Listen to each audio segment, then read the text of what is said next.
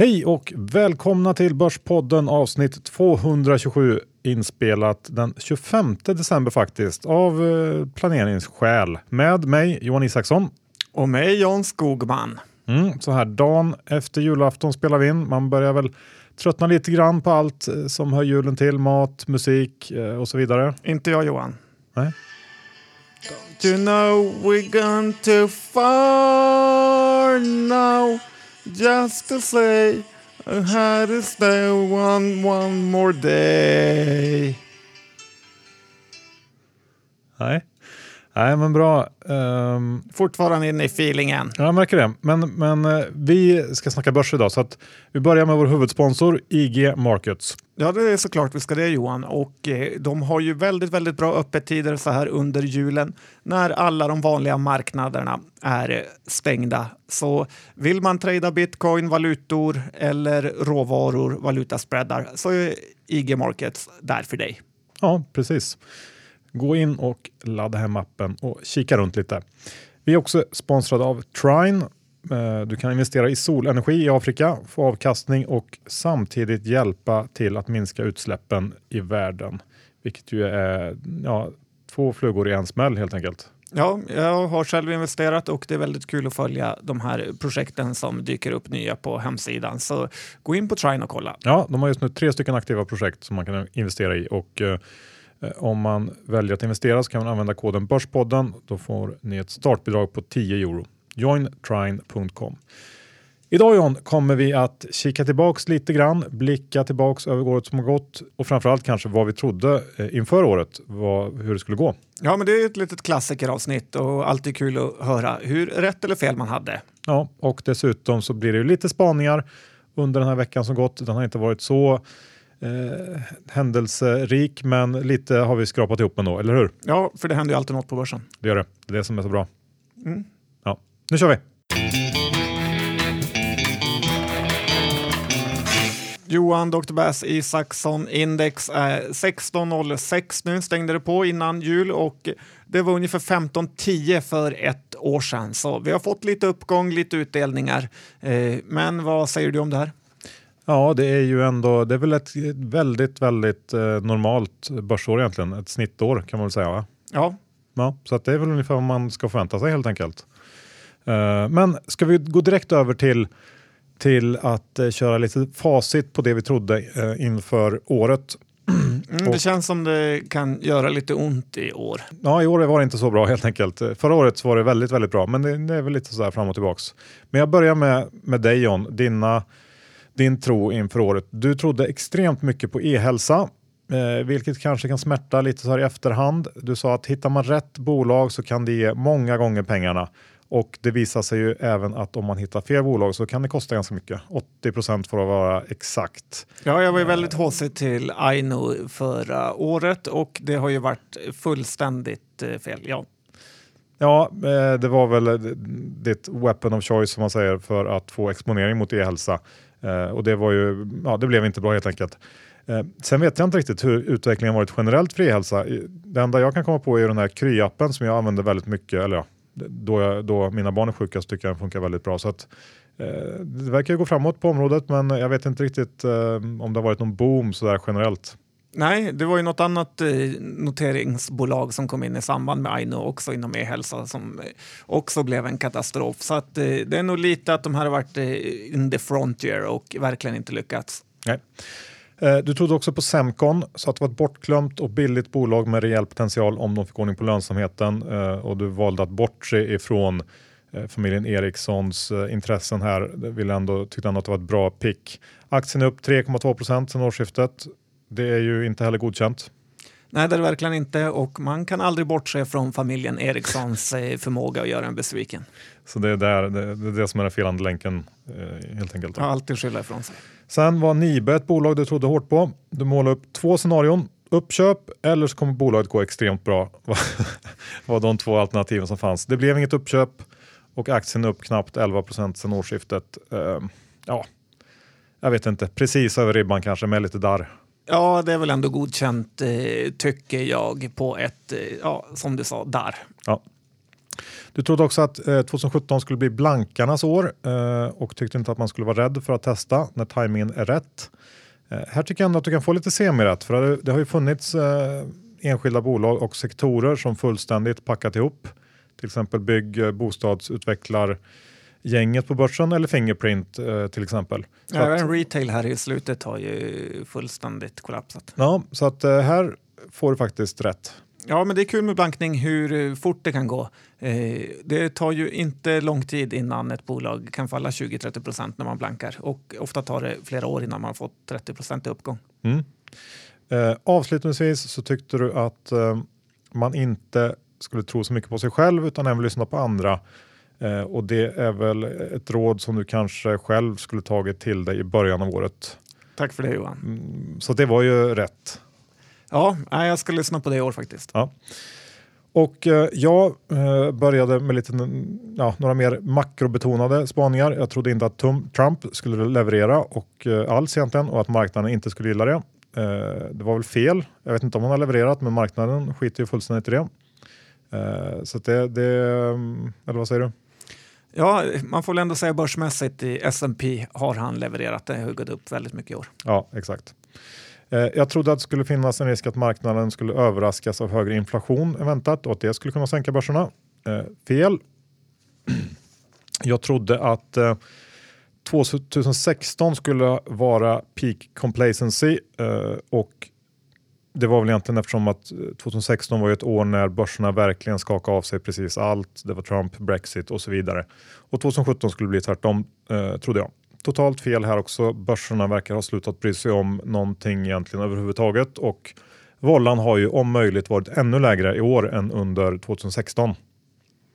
Ja, nej, men det var svårt att förutse faktiskt att det skulle bli ännu lugnare. Ja, men så blev det. Och jag trodde att um, det brittiska pundet skulle vända upp efter den usla utvecklingen uh, efter Brexit. Positionering och oro på andra europeiska marknader hade jag som skäl till det. Uh, mot kronan är pundet mer eller mindre oförändrad i år. Uh, sen har det faktiskt stärkts drygt 8% mot dollarn. Men eh, jag vet inte, det känns inte heller som att det har blivit riktigt rätt. Och jag hade också ett aktiebett här eh, som skulle rida på den här pundtron jag hade. Det var McCarthy Stone, eh, den ledande seniorboendeaktören i England som också hade tappat eh, rejält, 35 procent från Brexit fram till årsskiftet här 16-17. Eh, den aktien är ner ungefär 5 procent i år eh, efter att de faktiskt tappat nästan 10 procent bara för någon dag sedan på ett lagförslag som, om man inte får undantag från det, så kommer att slå väldigt hårt mot bolagets vinst, lite kortfattat. Eh, så sammantaget hela den här pundhistorien med ett tillhörande aktiebett eh, blev fel. Ja, men det har ju Kopparbergs fått eh, smaka lite grann på. Den aktien gick ju väldigt dåligt i samband och mycket var pundets fel. Ja. Eh, jag tyckte också att man kunde köra ett litet bett på Saudiarabien. Eh, det var en, en liksom gryende hås trodde jag kring den här eh, prinsen eller shejken eller vad han är, MBS som han kallas. Mohammed bin eh, Salman tror jag. Det var inte han som hamnade i finkan? Nej, det var han som satte alla i finkan. Okej, okay. han var ju bra bett där i alla fall. ja, på ett sätt kanske. Han, han eh, hade ju stora planer här inför året, skulle genomföra stora strukturreformer. Eh, och tittade man på den saudiska börsen så var det utländska ägandet nära noll och marknaden var väldigt lågt värderad. Eh, här föreslog jag en ETF med eh, kortnamnet KSA för att få en bred exponering mot den saudiska börsen och den är upp hela 1,6 procent sedan årsskiftet. Ehm, och här får man väl säga att den här MBS har visat sig vara handlingskraftig, men kanske inte på det sätt jag trodde. Och uh, ja, den här räden han gjorde för att stärka sitt grepp om makten och uh, rensa bort korruption som man själv uh, hävdar känns väl lite tveksam kanske. Jag är inte säker på att det är helt rätt väg att gå. Eh, så här får man också säga att det blev en fail. Ja, men det är kul att du har en ETF eh, e i alla fall som det är inte länge till man kommer kunna handla dem. Nej, det är lite trist. Och slutligen, det sista, eh, den sista caset jag hade, det var att jag trodde att uran efter sex nedgångsår i rad äntligen skulle lyfta och här valde jag då såklart ETFen URA för att spela på det och den har faktiskt gått upp nästan 20% i år, vilket jag ändå tycker är helt klart godkänt. Även om jag hade hoppats på betydligt mer och det har ju faktiskt hänt en hel del inom urangruvvärlden här sista månaden bara så det är inte omöjligt att 2018 blir uranets år på riktigt. Um, och om jag ska tillägga någonting här så var väl egentligen eh, bara uran det som jag eh, själv hade bettat på. Ja, men det är kul att du väljer vinnarna själv, men det innebär också att den här långa urantrenden är bruten alltså. Ja, om det inte händer någonting hemskt sista dagarna här, vem vet. Men eh, ja, inget jättekul facit eh, i år. Vi får tänka lite eh, djupare och hårdare inför eh, det här årets nyårsavsnitt och komma på bättre idéer. Ja, eller så får man göra som ett gammalt eh, stalltips. Man tänker ut en grej och så gör man precis tvärtom. Ja, det är också bra. Börsen då John, eh, vi går tillbaks till vad som händer nu. Eh, harvat på den här senaste veckan, ett steg fram, ett steg tillbaks och eh, händer inte så mycket egentligen så att vi går in på lite spaningar. Det har varit julafton eh, och vi har pratat om det tidigare hur allt mer går via nätet. Själv har jag handlat alla julklappar på nätet i år och det som jag tycker är lite oväntat här är att det har funkat så bra med att få alla paket i tid och att det inte har varit något strul. I alla fall inte för mig, men eh, det, jag tycker det känns som att det har funkat bra överlag. Och det har ju rapporterats om att de här volymerna har varit extremt stora i år och att eh, Postnord har fixat det här eh, känns ju faktiskt lite oväntat och tycker jag de ska ha lite cred för. Ja, verkligen. Eh, de får mycket skit, men det är kul att paketen kommer ut. Ja, eh, du har grävt fram årets julord Ja, men eh, så är det Johan. Och eh, det blir så när man lyssnar igenom förra årets podd eh, så kommer jag att tänka egentligen på vilka otroliga surdegar man har lyckats leta upp genom åren. Det är Hybrikon och det är Reno Norden, det är Aino och eh, ändå står man här på något sätt och skriker fuck the free world som MNM säger. Eh, och anledningen till att man överlever alla de här katastrofaktierna är ju att man hela tiden måste påminna sig själv om vilket extremt informationsunderläge man ändå har eh, som investerare. Visst, eh, bolagen kan verka bra vid en första, andra och till och med tredje anblick, men det finns ändå en miljon olika saker som kan gå fel och ofta går fel. Dessutom är en stor fara, som jag flera gånger sagt, om det här med att man ska lyssna på vdr, eh, framförallt i de här mindre bolagen, för att eh, de gör ju allt för att överdriva och verka optimistiska och det är ju till viss del eh, en, eh, deras jobb också, så att det måste man också vara medveten om. Men håller man på med aktier och ju längre man håller på så förstår man verkligen vikten av att diversifiera sig och verkligen aldrig gå all in. Så mina avslutningsjulord blir ju att chansa gärna och gör det ofta, men aldrig, aldrig satsa allt på ett enda kort. Du kommer ha fel någon gång och då kan du förlora allt om du har gjort det. Tycker jag var bra julord, instämmer helt. Eh, årets vinnare, eh, förlorare John, har du någon, någonting där? Ja, men det har jag faktiskt. Eh, årets vinnare, hör och häpna, Johan Isaksson.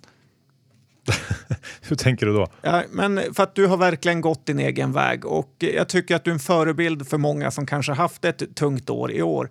Eh, det vill säga du har de här, det är tvärtom mot för de här otaliga börssnacksprofilerna som jag har pratat om tidigare, som efter en tung period på börsen skriver att allt är ett lotteri och nu slutar de med aktier för att använda sina sista 20 papp till en Kanarieöarna-resa. Du har ju under en lång period haft eh, börsen emot dig. Du har trott på börsfall och det har inte kommit. Du har också varit eh, undvikit den här teckningsmanin och eh, helt kört ditt eget race och det har ju bidragit till att du extremt tidigt hittade bitcoin där du har gjort en otrolig resa som egentligen överträffar alla de här börsraketerna ackumulerat. Och jag tycker många ska ta till sig av det att har man ett dåligt år så ska man inte bara förkasta sin investeringsstrategi utan istället förstå att eh, man kommer att ha bra år och man kommer att ha dåliga år. Så grattis till årets guldmedalj. Ja, det var snällt tack. Uh, ja, tack. Ja, den, eh, du ska få den efter programmet. Kul. Uh, förlorare då? Ja, här har vi faktiskt en klar och tydlig förlorare och det är ju Finansinspektionen. De hade chansen att bli en vinnare med de här nya reglerna som skulle göra slut på de extremt eh, patetiska idéerna och dra småsparare inför domstol för mikroskopiska överträdelser. Men istället så fick FIs personal storhetsvansinne och började döma ut så osannolika böter att man inte trodde det var sant. Tjäna 12 papp i Copperstone och få 400 000 i böter. Eh, vilket man, jag tycker man alltid ska ställa i relation till den här generaldirektören som lämnar ut hela Sveriges körkortsregister till Ryssland och fick 70 000 i böter. Myndigheter i andra länder skyddar ju sina medborgare, det är därför myndigheter finns. Men FI i Sverige gör allt för att skydda Mary Lynch high frequency-datorer och eh, sätta dit mikrosparare. Vi på Börspodden har ju faktiskt fått eh, massa mejl från förkrossade 25-åringar som har fått böta bort 20-30 procent av hela depån för någon löjlig tickning av två aktier som egentligen inte skadat någon. Dessutom är det ju börsen själva som har hittat på de här reglerna att man ska kunna handla i en petare. Så att det är mycket, mycket märkligheter och eh, det här blir, gör dem till en solklar årets förlorare, Johan. Jag instämmer helt faktiskt. Eh, innan vi avslutar andra delen så har jag bara en liten eh, avslutande grej. Eh, Topp tre lyssnade avsnitten för Börspodden under 2017. John, eh, vad tror du där? Nummer ett, Sverker Martin. Ja, eh, överlägset faktiskt.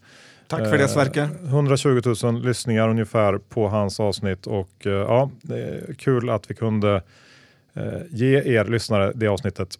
Tvåan, eh, lite mer oväntat kanske, det var avsnitt 178 som heter Hacker John. Jag vet faktiskt inte vad som ingår där eh, eller varför det var så mycket lyssningar på det. Kanske någon typ av bugg i, i statistiken. Men nu finns den där i alla fall så jag var tvungen att ta upp det. Eh, trea. Bra namn för övrigt. Ja, kan, kan, ha lock, kan ha lockat många tidigare som inte har känt till Börsboden. Ja, kan vara så. Trea var eh, vår spelspecial ifrån Malta. Eh, vilket är lite kul eftersom att det visar sig då att eh, det är många som gillar när vi ger oss ut i världen och upptäcker den. Ja, det tycker jag verkligen att vi ska ha lite cred för. Och precis utanför medaljplats, Sven Nylanderplatsen, blev sommarpoddare Charis ifrån Danske Bank. Ja, det gjorde hon bra. Ja. Och kul att lyfta ett hett ämne. Okej John, då ska vi snacka lite bolag också den här veckan. Vi kan väl börja med någonting som eh, är, ligger i tiden just nu. Fedex, post, eh, posten helt enkelt. Precis, den amerikanska posten. Och eh, det är väl lite roligt när man hör på nyheterna att den svenska posten har varit i total kris. Och eh, det vet ju alla, den ägs av eh, staten, danska och svenska, medan Fedex och UPS som är den andra giganten inom det här eh, är på sina all time high nivåer eftersom det är sådana extremt bra tider inom e-handeln men även inom konjunkturen i stort. Eh, Fedex har, ju, har jag tittat lite närmare på och de har ett förväntat P-tal på 16 med en utdelning på 0,8 procent. UPS är ju lite dyrare med ett eh, P-tal framöver på 18 men en högre utdelning på 2,7 procent. Eh, vilken tror du är störst, UPS eller Fedex? 50-50 uh, nu va? Jag tror eh, UPS. Ja, helt rätt. Eh, de är faktiskt mycket större och har ett börsvärde över 100 miljarder dollar. Eh, Fedex är just under 70 miljarder dollar. Eh, värderingen låter inte jättehög med 18 och 16 på de här bolagen, men man måste ju komma ihåg att det här inte heller några high-tech-bolag utan kanske snarare tvärtom så långt ifrån high-tech det kan bli. De är väldigt beroende av låg, krafts, eh, låg arbetskraftskostnad eh, i och med att man har många chaufförer, men även låga oljepriser som är en stor kostnad för alla deras fordon som cirkulerar jorden runt. Och jag gissar att de inte växer så där fasligt mycket. Nej. Nej. Ja, men kul ändå. Um, då kanske vi kan gå över och snacka lite spelbolagen då för att det har hänt en del där. I fredags till exempel så rasade NetEnt nästan 7% på en sänkt rek ifrån DNB. Man sänkte från behåll till köp och riktkursen från 90 till 65 kronor. Jag, har inte fått tag på den analysen och inte läst den. Men eh, tror att det handlar om att de eh, har omvärderat sin eh, tro på bolagets tillväxtmöjligheter eh, i närtid. Och det känns ju alltid lite olustigt när analytiker omvärderar så markant utan att det kommit någon ny information på marknaden. Och det är inte omöjligt att konsensus som har en tillväxt eh, på cirka 15% i estimaten för 2018 ligger lite för högt. Eh, om vi tittar på mm, vad snittestimaten ligger på eh, inför nästa år så är det, eh, förutom då 15% i tillväxt, eh, en något förbättrad rörelsemarginal vilket då ger en vinst per aktie på 2,77 för 2018 jämfört med årets förväntade EPS på 2,35 där vi har ett kvartal kvar att rapportera. Då. Eh, men om det, det, skulle bli ungefär så här så väntas eh, EPS då öka med ungefär 18 procent eh, och då handlas Net Entertainment till ett P tal på strax under 21 nästa års vinst just nu. Säg då att vi ligger lite för högt när det gäller tillväxten och hamnar några multiplar höglöst tycker jag ändå att det Eh, ändå är ganska okej okay för ett bolag med den här positionen på en marknad som har strukturell tillväxt och, och som kommer att fortsätta eh, och växa då i många år till. Eh, tittar man på till exempel ehm, eh, verkstad så får man betala minst lika mycket för cykliska toppvinster i till exempel eh, Atlas. Och jag köpte på mig lite mer eh, nettan i fredags och bettar helt enkelt på att den här oron är överdriven. Men jag har som sagt inte läst den här analysen ehm, eh, så att eh, det är möjligt att man missar någonting här. Men eh, jag hoppas att det inte är så. Jag köpte också lite aktier här mest för att jag vet att du har köpt och det kan vara, brukar vara bra. Men jag läste rapporten och blev lite mer defensivt eftersom jag tyckte den här sekventiella tillväxten inte alls var hög, alltså mellan Q2 och Q3. Eh, och sen så tyckte jag väl ändå, det kanske du kan komma, kommentera, det här med deras aktivering av eh, kostnader är också relativt eh, hög. Mm, nej, men visst, vi, vi pratade ju om, eh, om just eh, tillväxten i början av året under, under det första halvåret i år och sa att vi tyckte att det såg ut som att eh, man hade alldeles för höga förväntningar på nettan eh, inför andra halvåret. Och så har det ju uppenbarligen varit också. Det, det är ju här under eh, senare delen av året som eh, aktien verkligen har tagit stryk. Och som sagt, det är möjligt att det fortfarande är lite för högt, men, men jag, eh, jag tror ändå att de kommer att kunna växa hyggligt och eh, då blir frågan mer vad ska det vara värt? Ska det vara värt P liksom 18 eller P20 eller 22 eller 24? Det, är, det finns ju ingen sanning här utan eh, ja, det blir lite vad marknaden vill betala, men just nu känns det som att det är lite väl negativt kan jag tycka. Men vi får se, de, de eh, måste ju komma med en, en uh, okej okay rapport nu i Q4 för att uh, det ska vända. Så att, uh, vi får se vad som händer. Ja, det är intressant i alla fall. Mm. Global Gaming har det också varit lite fart i. Ja, veckan. också neråt. och Den fortsätter ju bara falla, var under 30 kronor här. Jag är ju inte förvånad eftersom vi har, nämnde det efter rapporten att det verkar finnas precis hur mycket säljare som helst i den här aktien. Eh, jag har också sett att eh, Svenska Spel nu har börjat med inlogg via BankID. Eh, så deras sån här fördel som de har tryckt på mycket kanske kan relativt snabbt kan vara i kapphunden av de andra bolagen. Eh, jag tycker inte heller att man ser de här särskilt mycket i media som de utlovade med sin eh, reklamkampanj att eh, slå på stort med. Så jag vet inte hur Ninja Casino och eh, de andra namnen kommer gå. Men Global känns eh, svajig. Ja, jag tycker nog också att man kan eh, välja något lite mer stabilt och etablerat eh, inom den sektorn om man är sugen på en operatör. Um, vi, vi, går över till uh, retail och betar av den sista rapporten där. R&B rapporterade förra veckan och uh, själv tyckte jag att den var väl uh, bättre än vad man kanske skulle kunna väntat sig. Uh, försäljningen steg lite svagt i jämförbara enheter och det tycker jag man får ändå säga är ganska starkt i den här marknaden. Uh, om man håller uppe försäljningsnivåerna i både Brothers och Pop men tappar lite i i Department and Stores som ju är NK. Då. Men det är också oväntat litet tapp kan jag tycka eh, givet de här krigsrubrikerna vi har haft på slutet. Och resultatmässigt så tappar de lite inom Brothers, eh, skyller det på höga marknadsföringskostnader men i övrigt så var det ganska stabilt. Eh, men mitt problem med R&B nu är väl att eh, jag har svårt att se hur man skulle kunna få så mycket högre värdering på de här vinsterna än vad man har idag och samtidigt är det väldigt, väldigt lätt att se hur de här vinsterna skulle kunna minska betydligt Eh, och läget för de här olika delarna försämras eh, rejält. Så att det känns ändå inte lockande helt enkelt. Trots att, att de gör det ganska bra givet förutsättningarna. Ja, så är det ju. Q1 är ju årets bästa kvartal. Eh, det var ju som du sa en helt okej okay rapport, men den fick ju inget positivt mottagande på börsen eh, och det beror ju mycket på att någon innan, två dagar innan hade tagit en chansning om man är snäll och köpte in massor med aktier. Eh, så aktien var ju upp 7% samma dag som Kappahl och H&M kollapsade.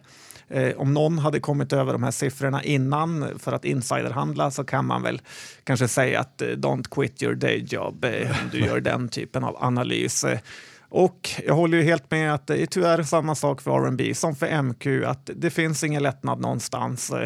Eh, och ett problem för R&B jämfört med de här både Kappahl och MQ är ju den stora nettoskulden. Även om den sjönk lite nu så är den ju tung att bära på.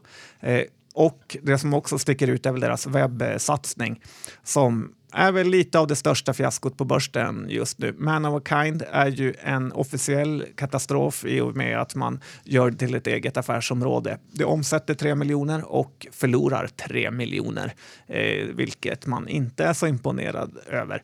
Eh, och det gäller ju alla de här bolagen, Clas Ohlson, MQ, R&B och allt vad de heter, att eh, när det är tufft eh, där ute så vill man ju att bolagen slimmar organisationen, snålar, betalar av skulder, kanske till och med återköper aktier eller delar ut pengarna. Men absolut inte börja med vansinniga påhitt eh, som aldrig slutar bra. Eh, och eh, ja, R&B har ju sina ljusa sidor. Pop och NK är ju fint. Eh, Brothers också, men det är ändå svårt Johan. Mm, så är det. Eh, du har kikat lite på Arjo, eh, Getinges nyavknoppade lilla barn. Ja, eh, de är ju väldigt, eh, kan det vara, en månad sen kanske? Tre Ja, veckor max, sedan. va? Eh, och eh, den har ju fått lite av den sämsta tänkbara starten. Nästan alla firmor på stan har ju sänkt Arjo till någon typ av säljrek utom DI som gjorde det till veckans aktie och satte köp. Själv har jag aldrig gillat Getinge så att det är klart jag inte kommer gilla Arjo heller. Kan du förklara skillnaden på de här Johan? Ja, de, det är ju ett, ett par av affärsområdena va, som de har delat ut i Arjo. Det är väl någon slags eh, akut sjukvårdsprylar. Jag är lite osäker faktiskt. Jag, det var, jag har inte kollat i detalj. Men Nej, men man får väl ändå säga att det här är en av de få misslyckade avknoppningarna. Eh, aktien verkar väl nå någon typ av botten här kring 23 när Bennet klev in och köpte. Så att eh, om han inte är en ny Stefan Persson så kan man ju ta en chanspost kring de här eh, nivåerna om man vågar gå emot min säljrekommendation. ja, men det kan vara värt att kolla på. Eh, absolut. Sen har vi de här projektbyggarna som inte haft det så kul här sista tiden. Nej, Oscar och Tobin är väl lite ansiktet utåt eh, och de har ju fall, fallit in i en liten ny svaghet. Eh, Rekordet i rolighet var väl kanske när DIs TA-experter tyckte att Oscar Properties var ett köp för den visa styrka. Eh, den uppföljningen vill man ju gärna se. Det byggs ju överallt och eh, det är ju nästan omöjligt att sälja något. Kommunerna har ju cashat hem duktigt på att sälja mark på de sämsta av alla eh, områdena och, markplättarna som finns. Och ett problem för Oscar och Tobin, men även större bolag som JM, är ju att dels så kommer de ju sitta på en massa osålda projekt och då kommer de inte starta några nya eftersom det är både dumt och eh, de inte har finansiering till det. Eh, men ytterligare en grej är ju att då kommer de ju inte heller tjäna några pengar framöver eftersom ledtiderna är så långa. Så vad är egentligen ett byggbolag värt som inte kommer bygga på flera år? Eh, det är inte mycket, utan det kan nog gå rätt fort att kollapsa här. Så att det ska bli lite kul att följa alla de här bolagen. Ja, verkligen spännande. Ska vi göra någon slags uppföljning på din Ferronordic-historia också? Ja, men det kan vi göra. Den har ju omvandlats nu och eh, Nordnet var ju en halv dag snabbare än Avanza på att boka in aktierna, vilket eh, gjorde att folk på Nordnet eh, med depå på Nordnet fick ungefär 5 kronors fördel. Goldman Sachs stod dolt och köpte nästan allt på 155,50 på torsdagen, men på fredagen så hade de klivit ner till 150. Eh, och där kan man ju tycka att Avanza bör rappa på lite för att eh, inte det ska bli orättvist. Eh, vill man ta säkra pengar så är ju, kan man ju sälja på 150 med, men vågar man vara lite kylig eh, så eh, är det ju fakta att det faktiskt kommer ut en väldigt, väldigt eh, mängd nya aktier och vi har ju pressat den här aktiekursen. Så ger man det några veckor så kan nu avkastningen öka i den här affären med, som man har gjort. Eh, och man kan även köpa om man inte har några, men det finns ju såklart inga garantier. Vad jag vet är Carnegie den enda firman som har en riktkurs här och den var på 192. Och vad kunde man köpa på när du pratade om det? Då fick man väl ungefär 8 i rabatt från det här. Okej. Mm. Bra, bra. Eh, avslutningsvis John så vill jag säga några ord om bitcoinen då som ju minst sagt haft en volatil vecka. Vi noterade eh, all time highs kring 20 000 dollar i början av förra veckan och dök sen ner som eh, lägst till runt 11 000 någonstans och eh, när vi spelar in det här på måndagen så ligger vi strax ovanför 14 000 dollar.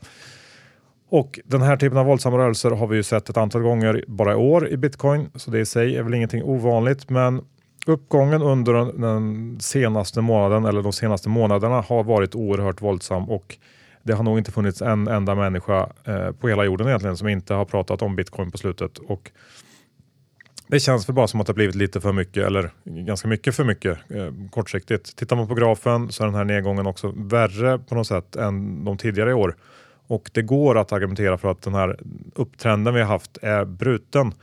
Eh, jag, jag sålde ju själv eh, största delen av mitt innehav någonstans runt 2-3 tusen dollar i somras för att jag tyckte att det gått snabbt då. Eh, men har ändå valt att, att liksom rida med resten av den här mm, positionen med strategin att gå av när det ser ut att ha toppat ur, vilket i sig inte är någon liksom, enkel strategi att följa. Eh, men då var tanken att oavsett om det är vid 10 000, 20 000 eller 100 000 dollar så eh, ska jag försöka hänga med. Ehm, och eh, just eftersom att bitcoin inte har något inneboende värde, vi har pratat om det förut, så går det ju inte heller att sätta någon nivå där man tycker att nu är det för dyrt eller billigt. Eh, utan det kostar vad folk vill betala helt enkelt. Och själv så trodde jag nog att vi skulle fortsätta upp eh, ja, någon månad till kanske, någon månad in i 2018 med, med den här håsen. Men eh, i förra veckan så sålde jag faktiskt i princip eh, ja, hela mitt innehav i, i bitcoin och eh, har bara en liten, liten skvätt kvar nu.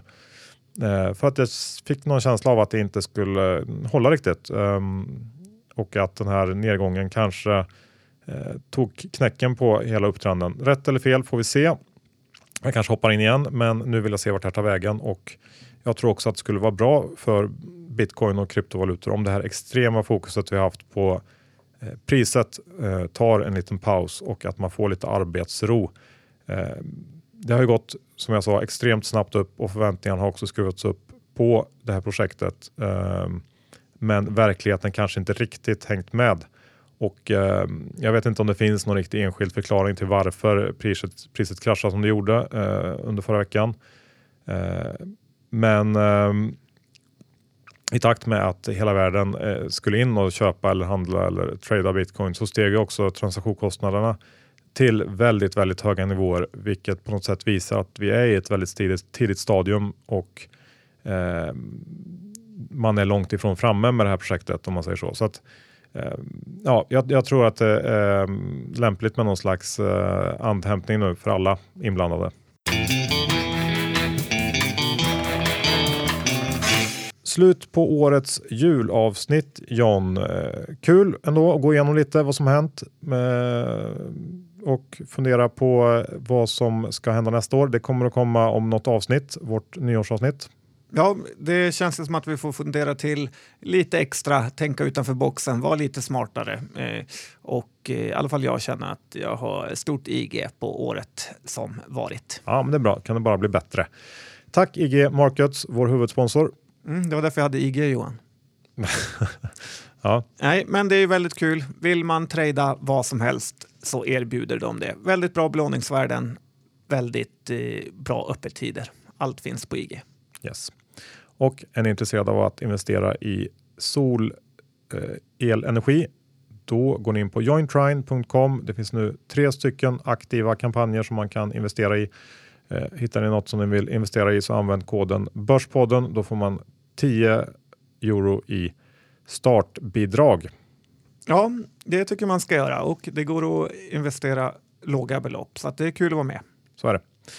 Eh, vi ska också ha en liten innehavsredovisning John. Hur ser det ut i detta avsnitt? Eh, NetEnt såklart äger både du och jag. Jag har ändå lite, lite bitcoin kvar, men sålt det mesta som jag sa och eh, i övrigt, ja, Ura hade vi med i någon slags eh, kort sekvens där. Den äger jag ju också fortfarande. Hur ja. ser det ut med dig? Ja, men jag har ju NetEnt som du sa och jag kommer skylla alla eventuella förluster på dig där. Eh, sen Ferronordic har jag också en stek som eh, vi får se vad som händer med. Ja. Ha nu en fortsatt härlig julledighet så hörs vi om en vecka igen. Hej då!